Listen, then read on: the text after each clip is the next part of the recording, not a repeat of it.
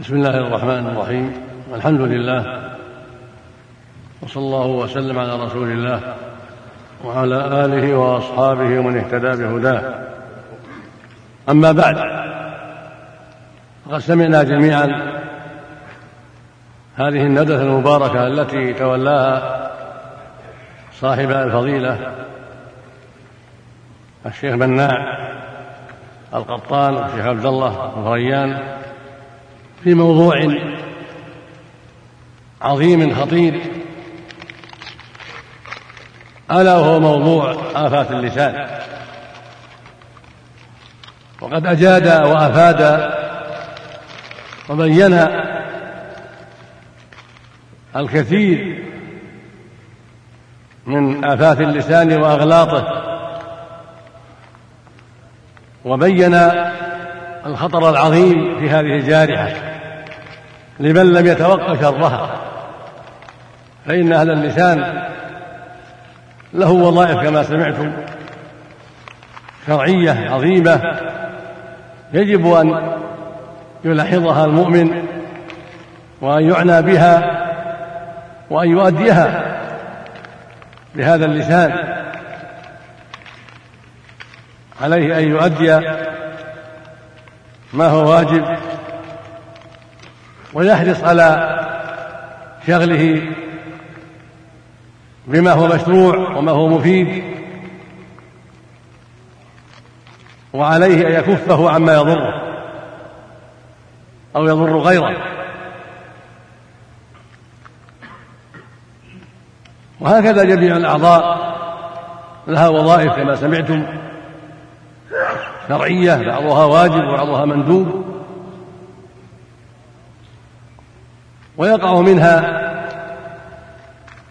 أعمال تضر صاحبها وتضر غيره.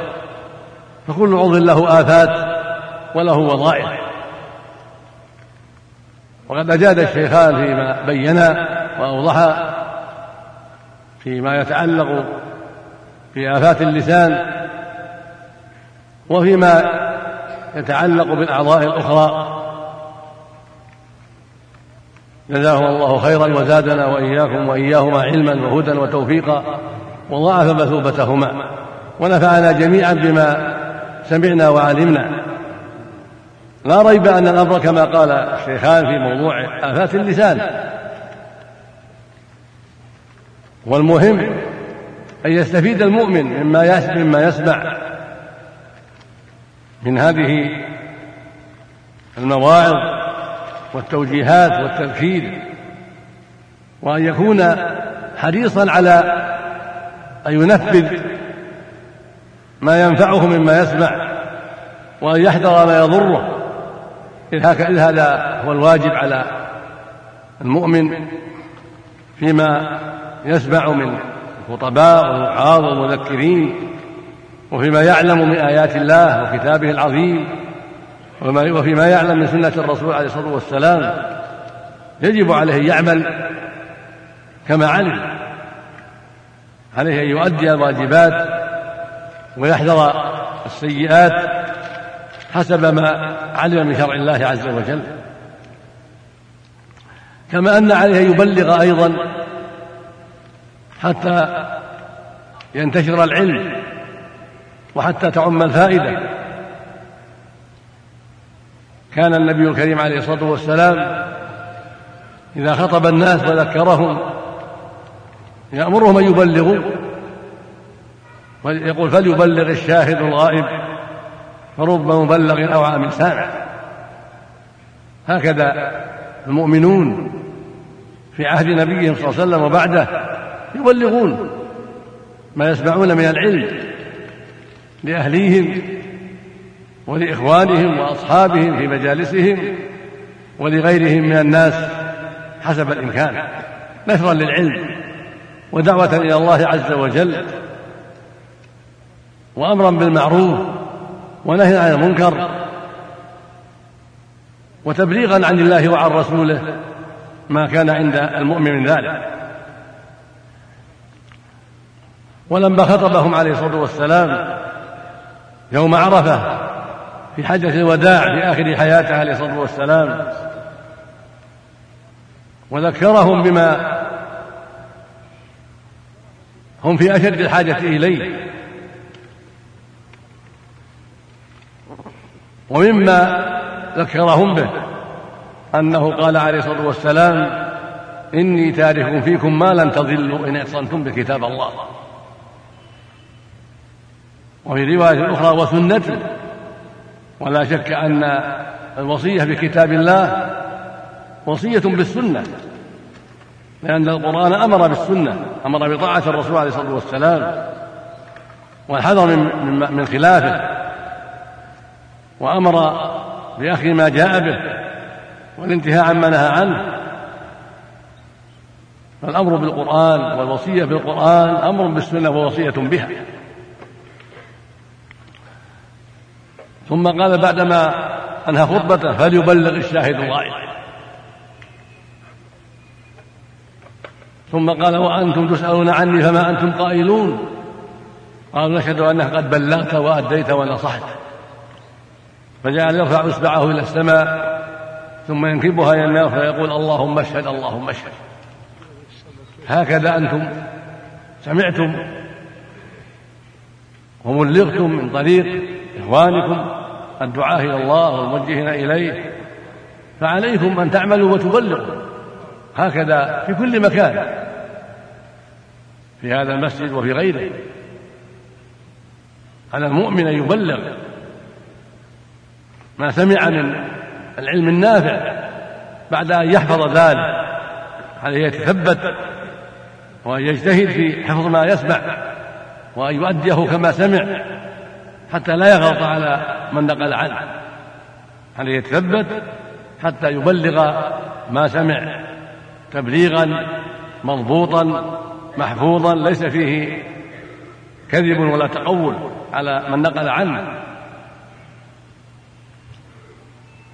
واللسان كما سمعتم خطره عظيم وآفاته كثيرة. يقول عز وجل ما يفض من قول إلا لديه رقيب عتيد. ويقول النبي صلى الله عليه وسلم من كان يؤمن بالله واليوم الآخر فليقل خيرا وليصمت. فصمت الإنسان وقلة كلامه من أعظم الأسباب للسلام. ومتى تكلم فهو على خطر ولهذا سمعتم أن من الحكمة ومن أعظم الفائدة ومن أعظم أسباب السلامة قلة الكلام وأن كثرة الكلام من أعظم أسباب الخطر. والوقوع فيما حرم الله عز وجل. ولهذا يقول صلى الله عليه وسلم من كان يؤمن بالله واليوم الآخر فليقل خيرا وليصمت ويقول لمعاذ وهل يخب الناس في النار على وجوههم أو قال على مناخرهم إلا حصائد ألسنتهم في الحديث يقول صلى الله عليه وسلم إن العبد لا يتكلم بكلمة من سخط الله ما يلقي لها بالا يكتب الله له بها سخطه إلى يوم القيامة. حول ولا قوة إلا بالله. في اللفظ الآخر أن العبد يتكلم بكلمة ما يتبين فيها يعني ما يتثبت فيها. يزل بها في النار أبعد ما بين المشرق ما بين المشرق والمغرب. أبعد ما بين المشرق والمغرب. وهذا أيضا خطر عظيم. والواجب على كل مسلم وعلى كل مسلمة العناية بهذا اللسان والحذر من آفاته والحرص على إشغاله واستعماله فيما ينفع. فيما شرع الله من قراءة القرآن الكريم فإنه أعظم الذكر وأكبر الذكر. أعظم الذكر وأفضله كتاب الله عز وجل. فينبغي الإكثار من تلاوته. وعمارة الأوقات بالتلاوة مع التدبر والتعقل. إن هذا القرآن يهدي للتي هي أقوم. كتاب أنزلناه إليك مبارك ليدبروا آياته وليتذكر أولو الألباب. يقول النبي صلى الله عليه وسلم خيركم من تعلم القرآن وعلمه. ويقول اقرأوا هذا القرآن فإنه يأتي شفيعا لأصحابه يوم القيامة.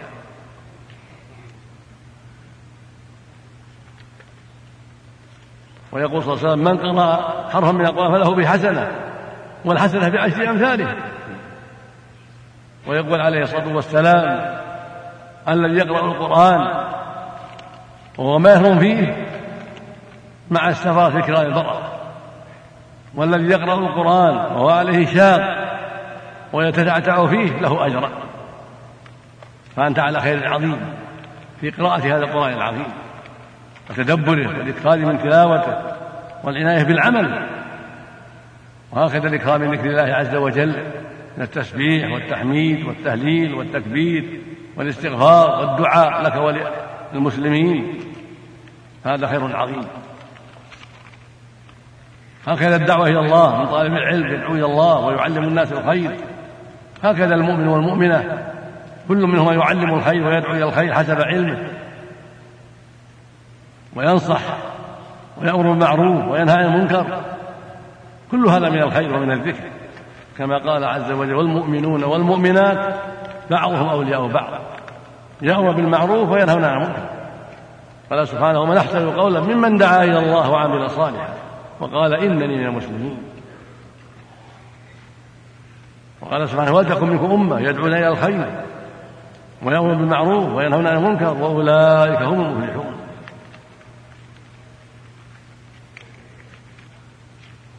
فالدعوة إلى الخير والنصيحة والتوجيه إلى الخير من أعظم وظائف هذا اللسان ومن أعظم نعم الله على العبد وعلى الأمة على المرأة. حتى يستعمل هذا اللسان فيما ينفعه وفيما ينفع غيره من المسلمين وغير المسلمين. ومن أعظم آفاته أن يستعمله في معصية الله من السب والشتم والقذف والكذب وشهادة الزور والدعاوى الباطلة والأيمان الفاجرة والغيبة والنميمة وغير هذا من آفاته. فعلى العبد أينما كان أن يحذر ذلك. وعلى المرأة أيضا أن تحذر أن تحذر ذلك. على كل إنسان أن يحذر آفات هذا اللسان. وأن يصونه عما حرم الله. وأن يحذر إيذاء الناس بهذا اللسان وظلمهم بغيبته أو نميمته أو سبه وشتمه أو كذبه عليهم أو من أو شهادة الزور أو غير هذا من آفاته الخبيثة.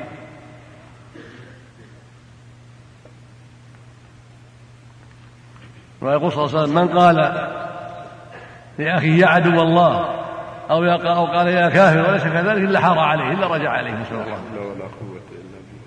يقول لأخي يا عدو الله أو يا كافر أو يا خبيث أو يا ظالم وهو كاذب غلطان. ظالم لأخيه بهذا الكلام فيعود عليه هذا الكلام الخبيث.